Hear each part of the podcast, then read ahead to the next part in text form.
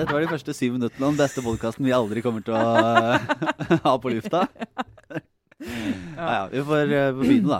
Mm. Rett og slett, uh, ønsker velkommen til en ny uke med Aftenpodden. Vår ukentlige politikk- og samfunnsdebatt og alt mulig rart podkast. Jeg er Lars Glomnes, med som alltid. Vi har etablert dette panelet nå, skippa ut politikerne og holdt på. Så politisk redaktør Trine Eilertsen, velkommen. Ja, hei, takk. Takk, takk. Kulturredaktør Sara Sørheim. Hallo. Hyggelig å ha dere her.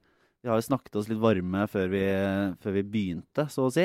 For noen av oss som er veldig mye hjemme, så er jo dette her, å sitte med dere to i studio og bare fortelle alt som har skjedd siden sist, det er jo noe av det morsomste man gjør i løpet av en uke. Så vi får prøve å ikke bare more oss selv, men forhåpentligvis også more dere kjære lyttere. Ja. Eh, vi har jo en del vi skal gjennom i dag, Lars. Ja, vi skal ut i den store verden til eh, litt eh, Donald Trump. Eh, og så blir det litt uh, Storbritannia. Tilbake til, uh, til ditt hjertebarn, Sara. What a week. Ja. Yeah. Eh, og så blir det litt på Hva skal man si? Hva skal, vi, skal vi vinkle det på morsomme norske politikere eller hårsåre norske politikere? Ja. Mest av det siste, vel? Nei, Et av ja. de to. Kan henge litt i luften. Ja. Ja. Sånn. Vi skal snakke litt om humorpolitikk, i hvert fall. Eh, men du, Sara, du har, eller kanskje dere begge, har vært på, vært på Vi har vært sånn seminaruke. Jeg har hatt fri, så har jeg vært litt på fjellet. Dere har vært på The Power of Journalism. Ja, Intet mindre. Det er mulig at eh, gårsdagen, det var vel da 31. mai 2017, var liksom den, den dagen hvor liksom Norge pika på konferansedeltakelse, da, unnskyld, konferansedeltakelse blant høyt gasjerte arbeidstakere. Eh, antall timer som ble tilbrakt uh, i en sal hvor man hørte noen si mer eller mindre kloke ting, uh, var i hvert fall høyt i går. For i går var det altså Det var innovasjonstalen 2017. Det var PR-byrået Trigger, som ikke lenger er et PR-byrå, som hadde konferansen Status Norge. Eh, skal ikke jeg begynne å forklare hva det handlet om, men jeg kan si ordet digitalisering. Det var relativt sentralt. Oh, surprise. Ja. og så hadde vi da Nordshipping, den største Mm. ja, største sånn eh, oljeshipping Nei, det er vel bare shipping-konferansen. Inkludert Fredriksen sin sommerfest, som uh, i går uh, gikk av stabelen. Som visstnok er den fineste, og kuleste festen å komme på i den bransjen. Og Trine, for ikke å glemme da, vår konferanse The Power of Journalism. ja, jeg var jo der kun på kvelden. Uh, på middagen. Du var der på dagen. Og der snakket dere om journalistikk, så vi trenger ikke bruke mer tid på det. Det eneste det høydepunktet så langt var jo da, etter det jeg har hørt, eh, den herlige frekke talen til Eirik Mosveen, eh, VGs eh, dyktige politiske journalist. Kjent for eh, skarp penn og skarp tunge. Ja, det som var litt gøy, fordi den konferansen handler jo om eh, selvfølgelig hva kan journalistikken gjøre for å redde verden. Eh, rett og slett. Det er ofte det vi snakker om når vi samles til konferanser. Eh, mange gode foredragsholdere som har flydd inn. Eh, pluss noen eh, hjemme, hjemmeskapte. Og disk fine diskusjoner rundt liksom, fake news og troverdighet og nettopp eh, journalistikkens kraft. Men man kan jo bli litt pompøs da, når man samles sånn for å snakke om liksom, hvor fortreffelige vi er. Og selv om vi sitter i Aftenposten, så må vi kanskje innrømme at det er nesten ingen som er bedre til å stikke høl på enhver pompøs ballong enn en sånn litt sånn eh, litt sånn badass VG-journalist. Så Eirik Mosveen eh, kom eh, foran alle sjefene etter konferansen for å innlede festen, og holdt en tale hvor han eh, kan, kan vi bruke ordet perfid der, Trine? Ja, det kan vi godt gjøre. Det var, det var veldig bra. Han minnet om at uh, vår konsernsjef uh, Rolf Erik Ryssdal uh, altså heter Rolv Erik Ryssdal, og ikke Rolf Erik Ryssdal. Ba om at det ble presisert.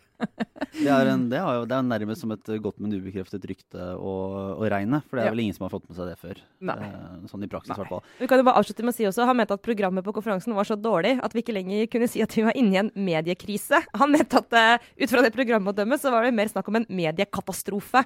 Ja, faktisk kanskje en mediekonfefe, Ja. som vi kommer tilbake til. Så, eh, Nydelig overgang. Det var, Nydelig overgang. skulle tro du jobba i, uh, i podkast. Skulle jobba i radio. Ja. Eh, fordi den, eh, Hvis vi skal ta et litt mer makroperspektiv da, og bevege oss bort fra vår egen navle, eh, så er det jo uka der altså, Nå går jeg litt i surr i dagene, men, men Donald Trump avsluttet jo sin turné til Midtøsten og Europa her i Det var jo i slutten av forrige uke, men siden den gang så har det jo eh, blåst opp til eh, litt sånn eh, ganske så frisk pris, i hvert fall når Angela Merkel var ute og snakket om at Europa ikke lenger kunne stole fullt og helt på, på USA og måtte ta, ta tak i sin egen, eh, egen skjebne. Og så kom det jo da også nytt i går onsdag Mm. om at Donald Trump nå vil trekke USA ut av Parisavtalen, altså den Ja. internasjonale klimaavtalen. Ja, Vi la oss i går kveld med to store usikkerheter eh, fra USA. Det ene var hva betyr konfefe? Og det andre var kommer han faktisk til å trekke kommer han faktisk til å trekke USA ut av Parisavtalen.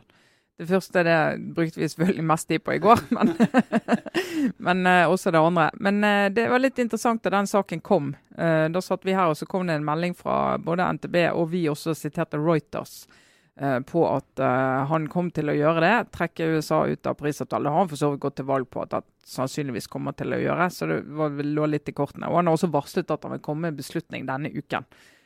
så da kom det. Og så publiserte vi det ganske tidlig. Uh, og på egentlig veldig sånn spinkelt kildegrunnlag. Uh, når vi etter, gikk det opp etterpå, så så vi at det var egentlig to anonyme kilder til uh, nyhetsnettstedet Axos, som ikke er sånn kjempesvært. og så New York Times de holdt igjen, mm. og Washington Post brukte sterkere forbehold, så vi trakk oss litt tilbake. Men det det viste, da, var jo at i den medievirkeligheten, og sånn som vår journalist Kristina Pletten kommenterte på morgenevalueringen i dag, at inne i Det hvite hus så brukes jo nå mediene i den interne diskusjonen i Det hvite hus. Sånn at der sitter det folk på innsiden og sender ut uh, den type budskap. For det, de vet jo at uh, Trump uh, godt kan sitte og se det på TV og kan agere på det som kommer der. Sånn at du har på en måte Lettere å gi tilbakemelding via media. Ja, det, ja du kan si, det, det, er en veldig åpen diskusjon, da. Men det er klart sånn at du kan ikke si sikkert at han havner der. Eh, for han er såpass uforutsigbar at han kan plutselig finne ut at eh, nei, men jeg, nei, jeg gjør ikke likevel. Alle trodde jeg skulle gjøre det, men jeg gjør ikke det. Eller et eller annet sånt. Det var en veldig interessant, eh, veldig grundig sånn type behind the scenes-artikkel i noe med, husker jeg ikke om det var Washington Post eller New York Times. Jeg tror vi la den ut på Facebook-siden vår. Hvis ikke så kan vi gjøre det. Eh, for noen uker siden, som, som eh, handlet om liksom, hva som skjer i kulissene i administrasjonen. Hvor poenget var nettopp det, Trine, at det er helt umulig å komme inn Altså, du, du får ikke uh, Trumps oppmerksomhet, og han tar ikke imot uh, råd fra rådgiverne, selv om det er det man liksom normalt gjør som rådgiver. Uh, men han ser på TV. Mm. Sånn at, at spekulasjonen i den saken, som også de hevdet å ha kilder på, var at han, hans rådgivere da tar den U-svingen rundt og planter noe sånn at det kommer på TV. Og mm. på den måten komme inn i hodet til Trump, sånn at han eventuelt kan ombestemme seg. Så det, det, er mulig det er en sånn type spill her. Ja, også er jo eh, det, det er jo en maktkamp i Det hvite hus eh, om dette. Altså Ben Fløyen som har hele tiden sagt at vi må få USA ut av ikke bare denne avtalen, men hele klimasamarbeidet i, i FN også. Eh, også Ivanka Trump og liksom de der mer sånn den andre fløyen som i hvert fall sier at nå må vi sørge for at uh, pappa får høre alle argumentene før han bestemmer seg, som hun skal ha, sagt, da, ifølge New York Times i går. Uh, så det er jo en sånn maktkamp som foregår der, og han har jo ikke landet helt, uh, helt enda da. Men i hvert fall så er det jo ikke usannsynlig at han kommer til å trekke USA ut av den avtalen. Da er jo spørsmålet hva betyr det? Det prøvde jo vi å skrive litt om i dag. og Det er jo altså det der at han drar USA ut av lederrollen i det internasjonale samarbeidet. Eh, det er jo på en måte etablert etter hvert. Han gjør jo det. Han er ikke interessert i multilateralt samarbeid. Det er liksom bilaterale avtaler mellom land. er det han tror på. Det jeg tror det er det som ligner mest på business. Mm. Og da får du sånn maktvakuum, og liksom hvem fyller det? og Kina som en drivkraft, EU som en drivkraft, Canada kan være, behøver ikke være bare negativt. Men det er klart at hvis USA virkelig stopper opp på klimaarbeid, så er jo det bare pga. størrelsen og utslippene, så er jo det alvorlig. Men det som jo likevel var eh, For jeg må si, i går da, det var veldig fristende å bare snakke om konfefe og pølsefingra til eh, Trump på Twitter. For det var sånn deilig å bare ligge i den der, og se på alle de morsomme tingene folk eh, vitsa med på internett om, om den tweeten. Vi kanskje skylde å gjøre oppmerksom på det. Det er ikke sikkert alle våre lesere satt på internett i hele går og lo av konfefe. Så bare så til de, til de, av dere som ikke skjønner hva vi snakker om nå, så er det altså en, en feiltweet fra Trump som vi våkna til i går. Det var rett og slett Donald Trumps eget uh, Kæ, ja. som var Jens Stoltenbergs uh, berømte tidlige lomme, lommetvitt. Ja.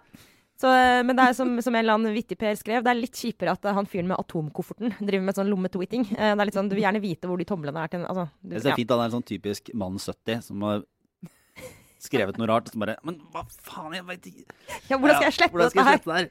Jeg må bare la det ligge. Og så et bilde som jeg lo av i, i, i, går, som noen, også en annen uh, morsom person beskrev. liksom, Se for deg den scenen, og særlig vi som har, uh, har barn i trassalderen, kunne levende forestille oss.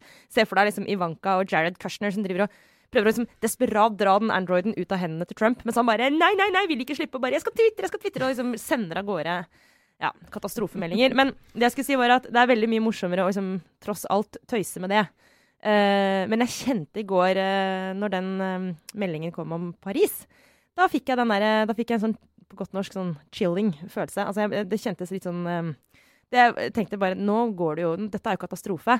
Derfor så ble jeg også litt sånn, ikke glad kanskje, men det hjalp litt å lese i dag at uh, det er en del um, Vi siterer bl.a. Uh, klimaforskere som sier at det kan også være en mulighet. Nå er det andre som kan ta ledelsen, og kanskje kan da det internasjonale klimaarbeidet uh, gå litt fortere, fordi man da ikke vil få et USA som sitter og trenerer. På innsiden, ja. Ja. Og en bremsekloss på innsiden. og det, det har jo vært reelt. Og Obama hadde jo ikke forankring i Kongressen da han eh, sa at dette skal USA være med på. Så det har jo ligget i kortene hele tiden at du ikke ville få de tiltakene nasjonalt, i hvert fall på føderalt nivå i USA, som, som, eh, som er nødvendig. Og så er det klart på statnivå, særlig California og et par av de andre statene, de er jo kommet kjempelangt allerede. Så de sier nei, men vi kjører på, vi skal ha og California er vel hva er det, femte, verdens femte største økonomi, så det, jo, det betyr ganske mye hva som skjer i den staten. og Det, det jo, Men- altså det nyanserer bildet, da. Men det er, vel, det er vel eh, kanskje tidlig å si, men spørsmålet blir vel om, om andre land føler det så forpliktende når USA går ut. Altså, Det, det er jo den store utfordringen. Hvorfor sant? skal de være med på å begrense seg når USA bestemmer seg for å kjøre på på Ja. egen hånd uten å, uten å forholde seg til reglene som skal, som skal ramme de andre? Absolutt. Og for en del, altså Det der med å være, ha en sånn ledertrøye internasjonalt handler jo egentlig litt om Du får ikke til noen avtaler hvis ikke har noen store stater som går rundt til de små og legger, eh, vrir hånden bak på ryggen til de og sier nå blir du med på denne avtalen. Hvis ikke så blir det så utrolig vanskelig for deg på andre områder. Så sier de som har det greit, det er greit, det er greit. Og når en av de som vrir rundt armen på de andre, bare slutter med det, så tenker de litt sånn Ja, why bother? Ja, vi får se. Det blir i hvert fall nok å snakke om på Bilderberger-konferansen som foregår i USA denne helgen. Eh, som jo handler om samarbeidet mellom eh, Amerika Der er Kjetil Alstaheim. Ja, Ja da, der er han, vet du. Jeg var jo der for to år siden. Det var jo et eventyr. Nå er han. Er bare misunnelig på han. Men jeg lurer på om han har fått like mye konspi-tyn som jeg fikk. Jeg håper det. Jeg lurer, på, jeg lurer på hva du gjorde for å ikke bli invitert tilbake. Var det fordi du prata om det i Aftenpodden? Nei, jeg tror, jeg tror ikke Det er veldig få som blir invitert flere ganger, da. Det er det jo. Ja, det er det de sier. ja. Eh, Så det, det, hvis Kjetil blir invitert to ganger, blir jeg irritert. Men det betyr at det er håp for deg og meg, Lars, hvis vi bare venter lenge En dag, ja. Ja, en dag. Jeg nekter helt å tro at det er på en sånn godt å gå på rundgang. Nei, det, det renner Det er mer Jeg tror ikke demokratiske prinsipper er styrende for Bilderberger-konferansen. Sånn. I hvert fall ikke på en som får lov til å være med. Jeg tror Nei, ikke det er er sånn. Han skulle jo, Jens Stoltenberg er jo der i år igjen. Han har blitt invitert flere ganger. Pussig nok. Ja. Og de sa man bare blir invitert én gang. Så jeg Eilertsen bare Ja. ah, Åh, Nei. jeg må få meg en uh, jobb. jeg pleide, å være stolt av, jeg pleide å være stolt av at jeg har fått vært på Nytt på Nytt to ganger. Jeg skjønner at det er, kan jeg bare, det, er, det gjelder ikke lenger. Og det er hele poenget, grunnen til at jeg nevnte det, med, i tillegg til at det var gøy å si at eh, Kjetil Alstheim-ideen var der, da. Eh, bare sånn. Det er veldig viktig å minne, og han har skrevet om det sjøl nå, da. Ja. Men uh, veldig bra at flere får vite det. Men hele poenget er jo at det handler jo om uh, samarbeidet, hvis jeg skjønte det riktig. altså Utgangspunktet for denne Bilderberg-konferansen er liksom å bedre samarbeidet mellom eh, altså USA eller Nord-Amerika da, og Europa. Ja. Og sørge for, uh, for uformelle forbindelseslinjer og, og slikt. Så de, de har litt å jobbe med, da, Ja. kan vi det- kanskje bare slå fast. Det er det de sier utad, i hvert fall. Ja, internt så er det selvfølgelig Verdensherredømme Ja, internt. Det var, det var mye verdensherredømme, ja. Ja. Nå, nå tar vi det. Ja. Ja. Det er veldig fin den gullringen du har fått, Trine. Den der hemmelige gullringen som du sitter med. Ja, du skal se den tatoveringen jeg fikk med deg. Ja, her er. Men det skjer jo ting eh, her òg, da.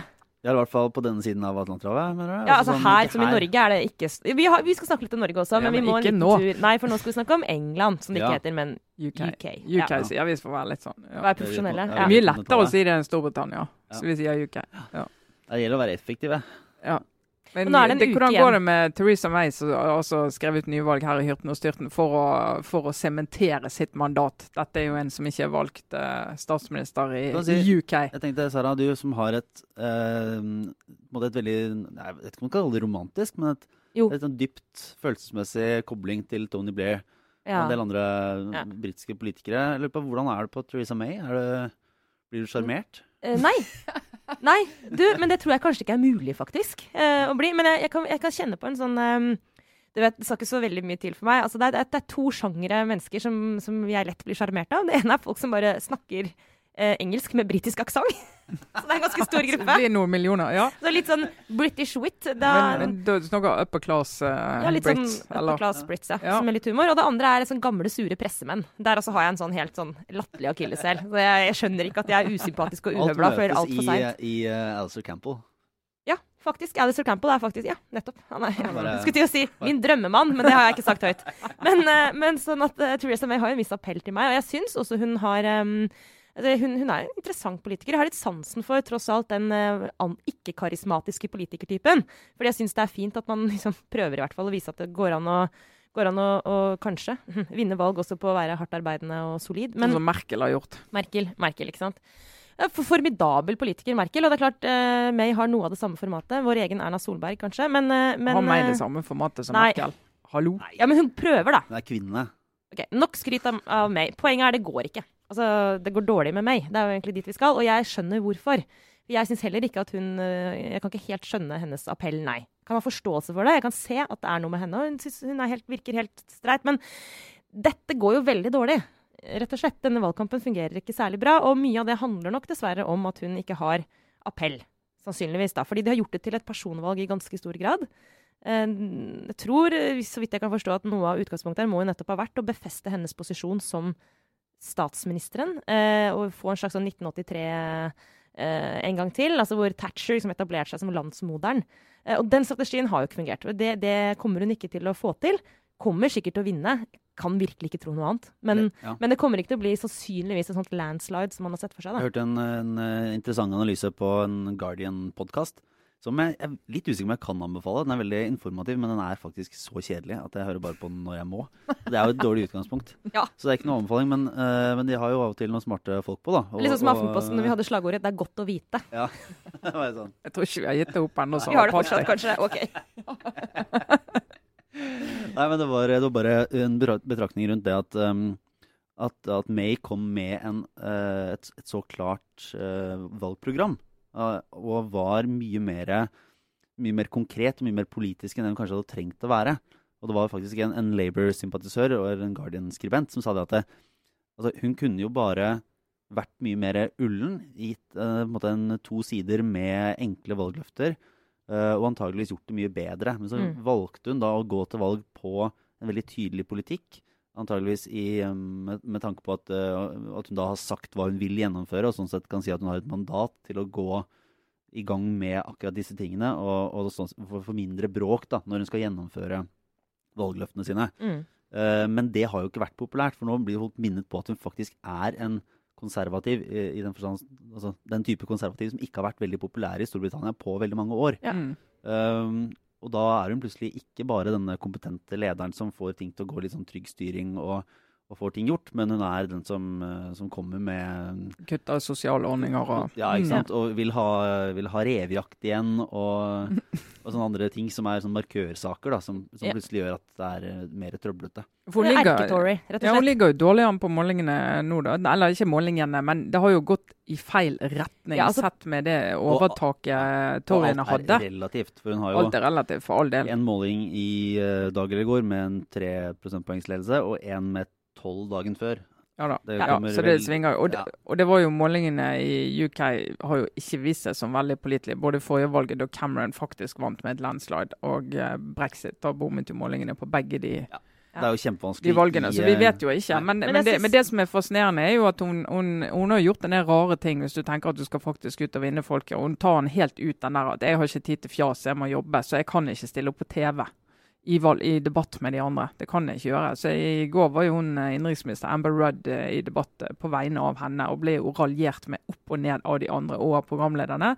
Og, og hele greien gikk på at hun ikke kunne nedlate seg til å la folket høre på hva hun hadde å si i en litt sånn krevende setting. Og det er klart at det, det, det, er, det er en ganske sånn Altså så er det jo tøft på den måten at det er en veldig tydelig strategi, men jeg tror det koster mye når Mm. folk får lov å si på TV uimotsagt at hun er ikke her, for hun tør ikke møte oss. Som og altså, dere skal ikke få høre at vi kler av henne eh, på argument, med argumentene våre. Altså, Som lederen i, i Libdems eh, så presist avslutta debatten med, var at eh, hun, hun couldn't be bothered, altså meg, da, tok seg ikke tid til å, til å komme hit og møte dere, altså velgerne, i den debatten. Så hvorfor skal dere egentlig gidde å bruke tid på oss? Eh, det går et bakeprogram på den andre BBC-kanalen nå. Eh, dere kan godt slå over på det. Eh, og det var sånn utrolig, og, selvfølgelig formulert langt bedre, og med denne, som jeg elsker, britiske undertonen, som jo er velfungerende, vil jeg si, kommunikasjonsmessig, som er liksom drepende.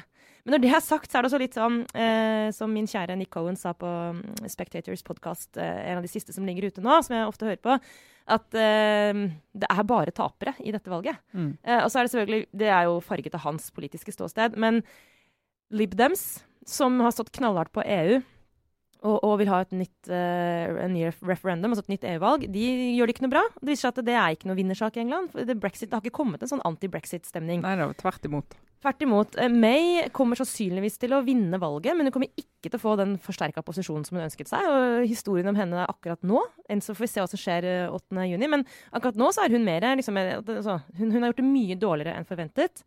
Og så har jo Corbyn gjort det så langt, tilsynelatende i hvert fall, mye bedre enn forventa. Men hvis man da eh, ønsker seg eh, at de moderate i Labour altså Noen, f.eks. Nick Owen, hadde håpa at Corbyn skulle gjøre det så dårlig at de moderate Labour-folka igjen skulle klare å få opp en lederdebatt i partiet og ta partiet tilbake. Men poenget er at for Corbyn det er ikke viktig å vinne valget, vet du. det er viktig å beholde lederposisjonen i Labour. Så at han gjør det ganske mye bedre enn forventa. Men for guds skyld, ikke bli, ikke bli statsminister. Det går ikke, liksom. Men, men han kan risikere nå bare forsterke sin posisjon som uh, Labour-leder. Og ergo alle har tapt. Ja, ja, det, ja, det må, ja, det var alle tapt. Ja, alle har tapt. Så det er, er hyggelig. Så, også, men så helt til slutt på på akkurat dette, da. Eh, Cohen ble også utfordra på dette med du, du tar for gitt at May vil vinne, eh, men hva, altså, hallo, brexit og Trump.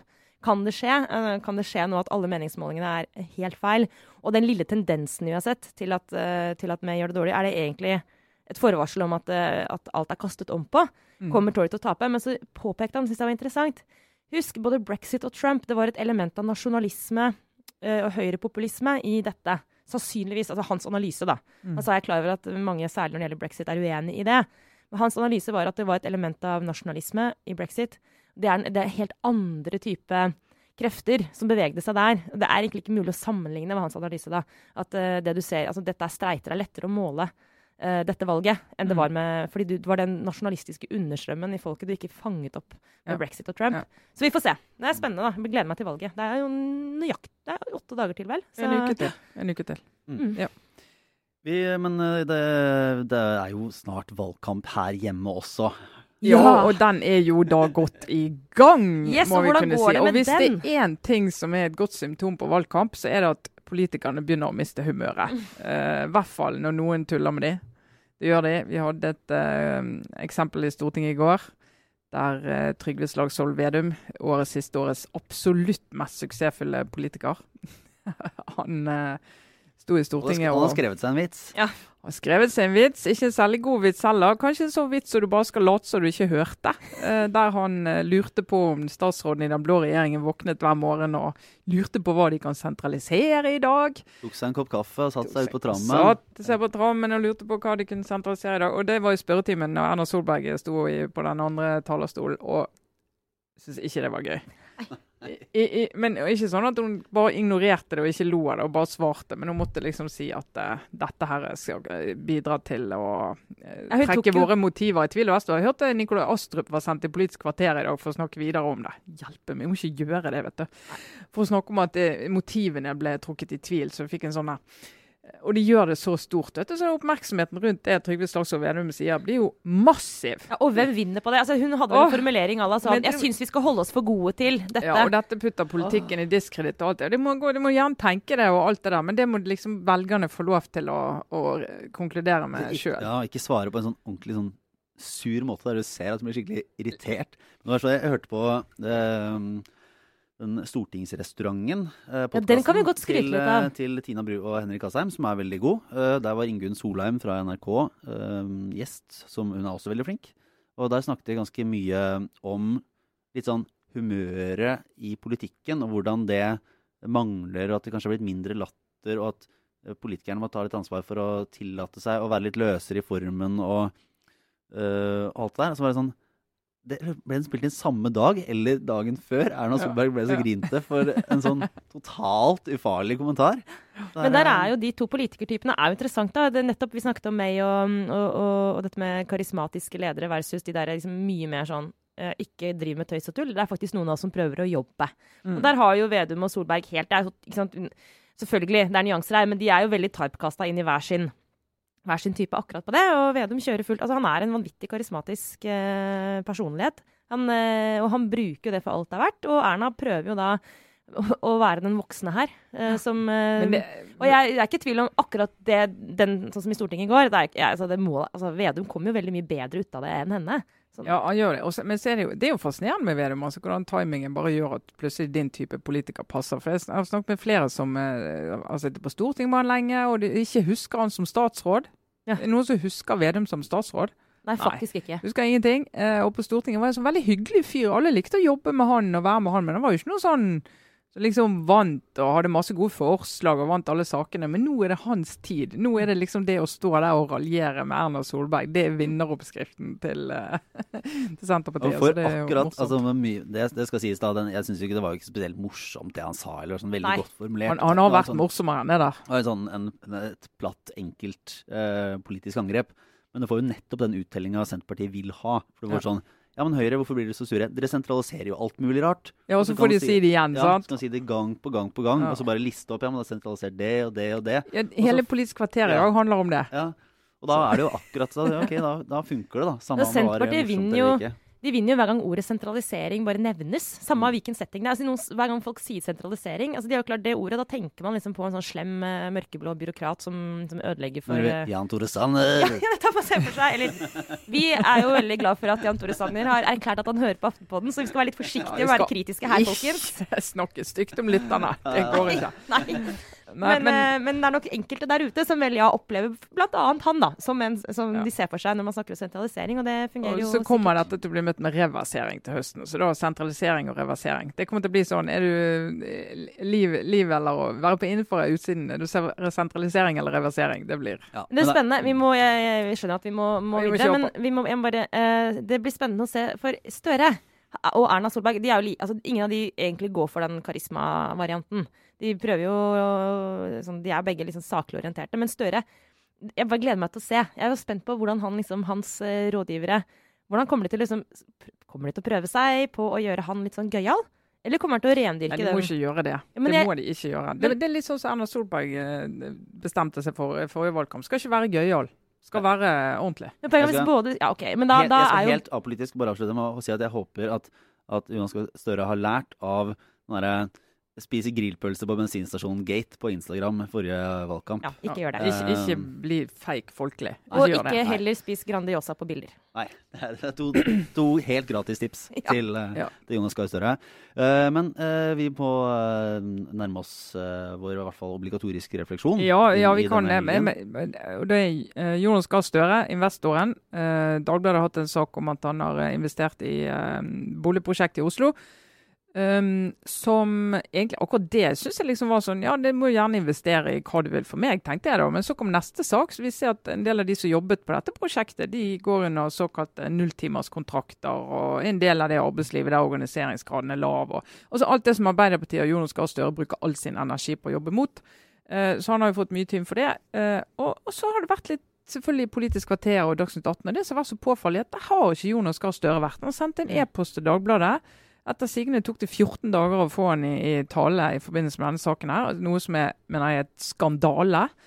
Eh, og så eh, sitter han ikke i disse studioene. Der sitter Anniken Huitfeldt og Leif Sande, eh, stortingskandidat fra Arbeiderpartiet i Holland, og skal liksom si at det han har tenkt og grunnen til at dette ikke er et problem, er forferdelig å høre på. forferdelig å høre på. Det er litt sånn, Ta en Theresa May. Bare sånn Jeg stiller ikke i debatter, jeg. Ja. Nei, få se hvordan det går. Lykke til med det. Men det som er fascinerende, er jo at vi har ikke hørt noen ting fra Arbeiderpartiet sånn offisielt om dette. Det er bare sånn nå har han solgt seg ut av prosjektet og eh, holder ikke på med det. Men liksom ingen sånn Hvis det ikke er et problem, ja, så si det, da. Mm. Og hvis det er det, så forklar hvorfor, og hvor du heller har lyst til å plassere pengene dine. Tenker du helt annerledes om hvordan du skal plassere? Skal de på bare vanlige aksjefond? Skal du sette de i banken? I, under madrassen? Hva tenker du er lurt å gjøre for en, en som faktisk konkurrerer om Norges viktigste tillitsverv? Vi gjerne ha dine tanker har, ja. om det. Men har ingenting. Masse, masse penger. Mm. Ingenting. Det er veldig rart, for det her kommer jo ikke til å gå over. Altså, akkurat kanskje denne konkrete saken, men dette er jo altså dette er, det er, er en utfordring for Støre. og Han, han, må bare, altså, han er, har de pengene han har, og det er ingen som venter at han skal gi det bort heller. Men han, han, det er rart. En rar er- vurdering er, at han ikke liksom kommer er- frem med offensivt Ja, men nå skal jeg bare, bare tenke litt andre veien, da. Rent kynisk. For ham. Vi har jo i Aftenposten ikke omtalt den saken. Det er en av de gode sakene som, som konkurrerende medier har, men som man ikke har sitert. Ja, Prioriterer andre, andre ting. Så er spørsmålet, og det tror jeg nesten ingen andre medier har gjort heller. Det er veldig mange, Både vi og VG løste det jo med en kommentar. Eh, men vil, hvis Støre hadde gått ut og sagt noe om dette her, så ville jo antageligvis terskelen vært lavere for at vi Ja. lagde på en måte kobla oss på den saken. da. Altså ble det sånn, ok, Mm. eh, Jonas Gahr Støre kommenterer nå eh, avsløringen i Dagbladet om at han har investert i et eh, eiendomsprosjekt der arbeiderne hadde nulltimerskontrakter stikk i Mm. strid med Arbeiderpartiets politikk. Så Det kan vil- kanskje være en god strategi, mener du? Ja, det, det Sånn- kan jo sånn at det kommunikasjonsmessig gjør at den saken forsvinner i større grad, da. Ja, men jeg, jeg tror jo det er vurderingen som ligger bak. At nå sitter vi helt i ro og håper at det går over. Og det kommer det sannsynligvis til å gjøre, da. Eh, og det, og, det, og det, skal, det skal jo det på den måten at det er ikke verdens største sak. Og det er vel det de tenker, at det er jo ikke ulovlig dette. Så det er liksom, de, du kan ikke kjøre på det dag etter dag etter dag og lete etter nye avsløringer, sånn som du ville gjort med en sak hvor det opp, lå mye mer opp i dagen at det var mer. Mm. Uh, og nå har han solgt seg ut og ferdig med det. Uh, så jeg tror nok det er det som vurderingen ligger bak. Men da er det jo oppgaven til sånne som meg å si det at ja ja, likevel, vi ser det. Bare ja, ja, påpeke den hva, hva, vil, hva vil vi kalle det? Er det, er det feigt? Er det bare Ja, altså, jeg syns at det er, synes at det er feigt. Og, og, og det andre er at jeg fikk rett og slett vondt av Anniken Huitfeldt og Leif Sande som skulle sitte der og bli ja, De blir jo rett og slett satt i utrolig forlegenhet, da. Og når de skal sitte her Ja, men det var jo så liten eierandel, og liksom de sitter og holder på med det? Altså, Det er jo bare tull. Du må slutte med det. Hvordan er det med deg, Sara? Hva kommer du til å tenke på inn i, eh, inn i helgen og inn i neste uke? Nei, altså jeg kommer til å tenke litt på hvorfor eh, så få mennesker ser på Skam, men det, det skal jeg ikke spare dere for, kanskje. Men eh, En, nei. en grunn til det er at det begynner å bli litt mer finsk fjernsynsteater. Jeg har begynt å se på det nå. Og det er så mye sånn lange, lange stille bilder av ett ansikt som har et uttrykk, og du tenker nå skjer det mye inni deg. Men jeg vet ikke hva det er. Nei. Så det, du, det, må, det går ikke. Du, jeg kan kanskje leie deg som sånn TV-kritiker. Sånn, uh, Trines kritikk på én setning på, som forklarer sentrale fenomener på fjernsynet. Nei, du har rett i det. Men, uh, men, jeg, nei, men det, helt, det jeg prøver å gjøre i dag, sånn på alvor, er å skrive en um, Jeg prøver å skrive en kommentar om, om, om medieøkonomien og prøve å forklare litt uh, hvordan den fungerer akkurat nå, sånn når det gjelder hvilke redaksjonelle prioriteringer vi gjør. Eh, og det skal jeg ikke dra hele det resonnementet her, for det har vi ikke tid til. Men um, utgangspunktet er en sånn debatt som har gått i Klassekampen. En interessant debatt for meg og oss, i hvert fall, som handler om kulturjournalistikken. Og den har noen utfordringer digitalt. Um, det, ikke, det er vanskeligere å få liksom, høy trafikk på en del kultursaker enn på en del hendelsesnyheter osv. Men utgangspunktet, det som irriterer meg, som jeg har lyst til å prøve å oppklare, det er en sånn påstand som har kommet i, i forbindelse med disse sakene, men som ofte dukker opp fra uh, folk i kulturlivet, som er at det de kaller for klikkøkonomien, eller klikkhoreriet, om dere vil. Altså jakten på trafikk på internett. At det er det som er den største trusselen mot eh, kulturjournalistikken. Og, og det er faktisk feil. Mm. Eh, det er ikke lenger sånn eh, at eh, det viktigste for oss i Aftenposten er liksom, høy trafikk på sakene våre. Det viktigste for oss er at vi har mange abonnenter som er villige til å betale for sakene våre, og som kommer tilbake og som bruker Aftenposten, og som blir trofaste Aftenposten-abonnenter. Og det jeg prøver å forklare, er at det er to helt forskjellige ikke helt, men det er to ganske forskjellige ting. Så Det er det jeg har lyst til å sånn, forklare. Det er ofte, det er Ja. ofte et tegn på at uh, abonnenten også er interessert hvis de leser saken. da. Ja, altså Det er ikke gærent, for å si det sånn. Altså, det er ikke det at vi liksom ikke har lyst til å bli lest, men, men, men det er viktigere for oss. Altså, uh, Noen saker treffer liksom mange hundre tusen der ute. Uh, noen saker går viralt, som det heter så fint. Mm. hvor, hvor plutselig liksom, vi får masse folk inn på aftenposten.no som ikke pleier å være her. Eh, og det er selvfølgelig kjempebra, og det er en utmerket mulighet for oss til å vise fram journalistikken vår til flere enn de som vanligvis leser oss. Men det vi jo i større og større grad lever av, er jo det vi kaller brukerinntekter i, her i mediehusene. Men altså, det vi lever av at dere som leser Aftenposten, eh, betaler for det. Og det er, det, det er de viktigste folka for oss. Og det, trenger, det er ikke like mange av dem, men de er utrolig verdifulle for oss. Og det er de vi må liksom stadig levere innhold til som vi, som vi vet at de vil ha. Og som de gjør at de kommer tilbake til Aftenposten. Ja, altså, vi kan måle, måle, lesing på en annen måte enn før. Uh, og det er jo en del av de som jeg ser uttale seg om såkalt klikkhoreri. De har jo de, deres innsikt om medieøkonomien stammer fra sånn 2006-2007-ish. Uh, og alle, altså Allerede den gang begynte vi å snakke om grunnfjellet vårt digitalt. At det var mye større verdi de som var innom flere ganger i uken, enn de som var innom på én sånn stor, verdens største Eh, kveitefiskesak. eh, som selvfølgelig er morsom å ha, men du tjener ikke penger på dem. Eh, du, du, har de som helt annonsefinansierte medier, som selvfølgelig er veldig avhengig av den trafikken. Men veldig mange av de store, som Aftenposten og etter hvert og DN og regionavisene, og, og, mer og mer VG også, sant, som går mot en sånn brukerbetalingsmodell, i hvert fall i tillegg. Og da, da, Av og til så må du ta valg som gjør at ja, vi kan lage den saken som er kjempegøy, altså kan få mange hundre tusen såkalte klikk. Eller vi kan lage den som vi vet at abonnentene våre vil lese helt til bunn. Eh, de kan være, Kanskje vil 50 000 abonnentene våre lese den helt til bunn, mens den saken da, hvis du kunne fått 300 000, ja, den ville vi nok tatt. Men hvis du kunne fått 100 000 klikk, den dropper vi for å lage den saken. Og de, de vurderingene gjør vi jo stadig oftere, fordi at de abonnentene de som betaler, de er ekstremt verdifulle for oss, mens alle de andre de har uh, begrenset verdi. Men klart, kulturjournalistikken, de Altså Mye av den kulturjournalen lykkes jo ikke verken her eller der. sant? Nei, det er utfordringen. Det, det, det, jeg lurer på, da, det er om har folk egentlig lest kultursaker i papiret før? Tror jeg, jeg tror de har lest mye mindre enn vi har trodd, skjønner du. Fordi Mye mindre. Det er diskusjoner altså sånn der, Å nei, nå har vi fått tall å navigere etter. Nå ser vi hva folk leser. Å nei, da kommer vi til å rasere journalistikken. Men poenget er at det er ikke folk som har forandra seg så utrolig mye. Det er bare at vi nå har fått vite hva de faktisk leser.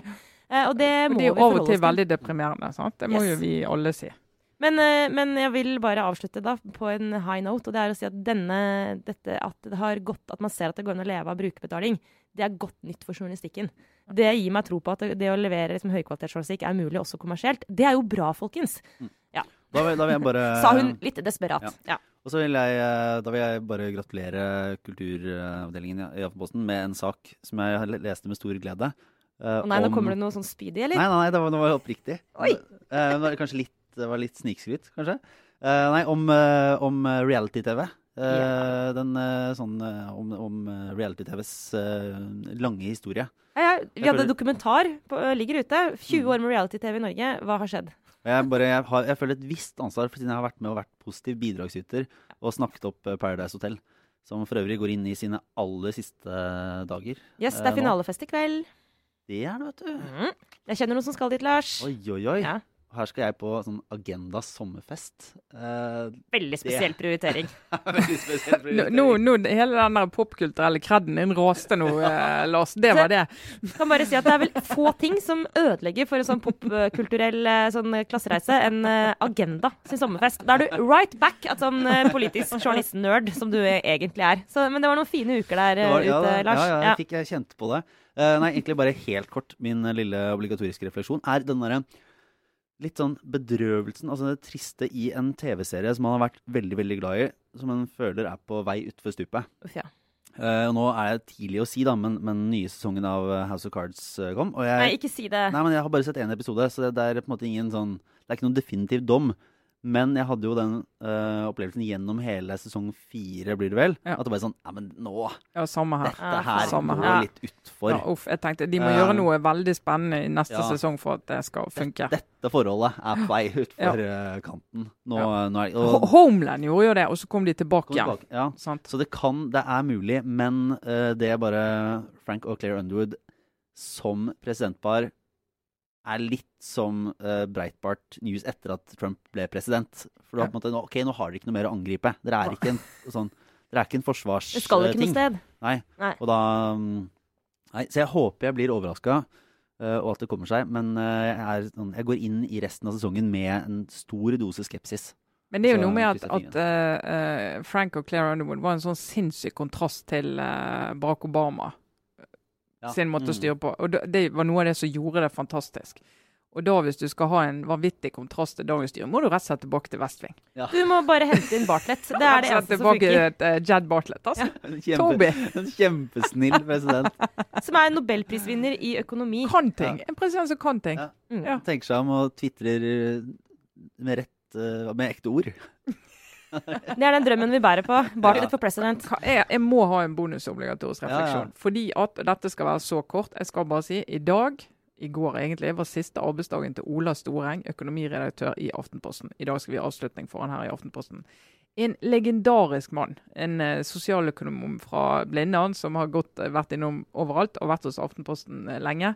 Eh, og en av de eh, ja, skarpeste, rauseste kollegaene jeg har, som virkelig er sånn eh, et eventyr av en mann. Han skal heldigvis fortsette å skrive for oss. Mister han ikke helt. Han skal skrive litt så mye kjennere, for han er nå 67. Men jeg vil bare si takk, Ola Storeng. Ja. Takk, Ola Storeng, for at jeg får lov å jobbe med deg, får lov å lære av deg. Han er en en, hedersmann. bra mann. Kanskje på mange måter Aftenpostens egen Bartlett. Ja, Ja. en ja, det en slags. Det kan vi godt si. Sjefen vår, eh, Espen, spurte i går eh, hva tenker dere når jeg sier Ola, for han skulle skrive talen som han skal holde seinere i dag. eh, Og jeg tror ikke Ola rekker å høre dette før talen, så jeg vet ikke om Espen bruker det poenget. Men det som slo meg når jeg skulle tenke på det, var i, Når jeg skal gjøre research i kommentarer, så er det sånn Skal jeg gå på internett, eller skal jeg snakke med Ola? Ja. og det gøyeste er det siste. Det er en av de få journalistene der ute som, er, som han har mer kunnskap enn internett. Og det, hvis du skjønner hva jeg mener, det er fantastisk Ja. å ha sånne kollegaer. Men uh, alt må slutte en gang, også denne podkasten. Ja, takk, kjære lyttere, for at vi tre får sitte her og slarve. Spennende om noen av dere fortsatt henger med, men hvis dere gjør det, tusen takk. Ja, God pinse. god- ja, ikke sant? Og så må de eh, ta og følge oss på Facebook. Og så har vi internchatten vår på ap.no slash aftenpodden. Mm. Og så må alle, det er litt få som har gjort det, gå inn på iTunes og så gi oss en sånn rating og skrive et eller annet hyggelig. Ja, eller hva de syns, da. De kan de skrive syns, noe, ja. hva de mener, Ja, men må vi si. skriv, skriv noe hyggelig. Ja, herlighet. Hvis jeg har, hvis jeg har hørt gjennom eh, så mange Hvis og så er lange her. podkaster, Ja. så trenger de ikke å gå inn der og trolle oss, altså. Det kan bare drite i. Nei, det, det kan du heller Da gjøre på ja. Twitter. Da kan bare legge, Så alle ser det. Kan bare legge på. Så Ja. kan bare, kan bare slutte å høre. Nå, Det den der lov, naila det vi er nå. lov, det, er lov, det òg. Det som våre faste lyttere skjønner, at vi prøver å øve oss på å være sånn amerikanske sånn, og, og, og be uhemmet om at lytterne våre skal hjelpe oss. Vi lykkes ikke sånn 100 med den, eh, med den vi er, vi klarer ikke Nei, så glemmer vi å gjøre det i starten. Ja. For da er det da For de som har hørt på så lenge som nå, dere er jo sannsynligvis på en måte allerede om bord. Ja. Ja. Ok, men vi skal jobbe videre med dette. Ja, så uh, takker vi i hvert fall for oss for denne uken, da. Og går inn i eh, pinsehelgen. Da, så takk til deg, Trine Eilertsen. Takk for at du var her. Er Veldig, veldig formelt. Vær så god. jo. Takk Sørheim, for at du var her. Takk, Lars Glomnes. Ja, Det var veldig hyggelig å være her i dag. Ha det bra. Ha det!